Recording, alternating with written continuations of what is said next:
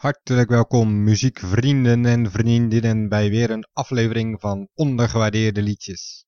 Deze keer wederom een bijdrage van Richard Rombouts, Bob Seger en de Silver Bullet Band All Time Rock and Roll. Just take those old records off the shelf, I'll sit and listen to 'em by myself. Today's music ain't got the same soul, I like that old time rock and roll.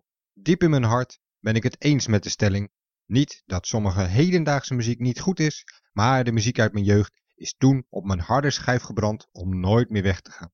Alhoewel, jeugd, ik was 18 toen Bob Seger het album Stranger in Town de markt op slingerde, twee jaar na het eclatante succes in de VS van Night Moves uit 1976. En met zelfs een nog groter succes en hitsingles als Still the Same, Hollywood Nights, de klassieker We've Got Tonight en All Time Rock and Roll. De laatste is een van de weinige coverliedjes in zijn repertoire. Ik was niet meteen tot over mijn oren verliefd op All Time Rock and Roll. Dat kwam pas met de live uitvoering op Nine Tonight uit 1981. De energie en de kracht van het lied kwamen vol door de speakers.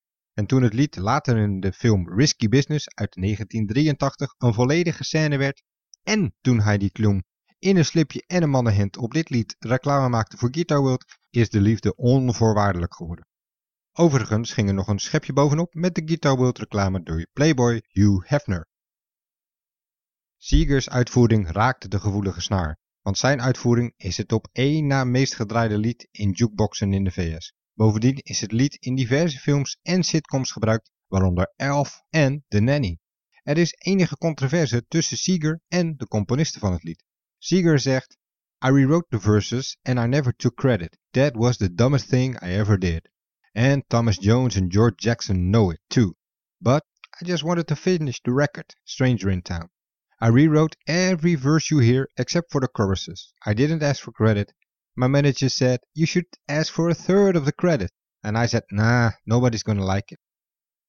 Seeger heeft inderdaad één vers aangepast. En in het origineel van George Jackson wordt vanuit het standpunt van een vriendin, she, gezongen. En Bob Seger zingt in de eerste persoonsvorm enkelvoud. Maar dat is het dan ook. Zowel de uitvoering van George Jackson als die van Bob Seger zijn in de Muscle Shoals Sound Studios opgenomen.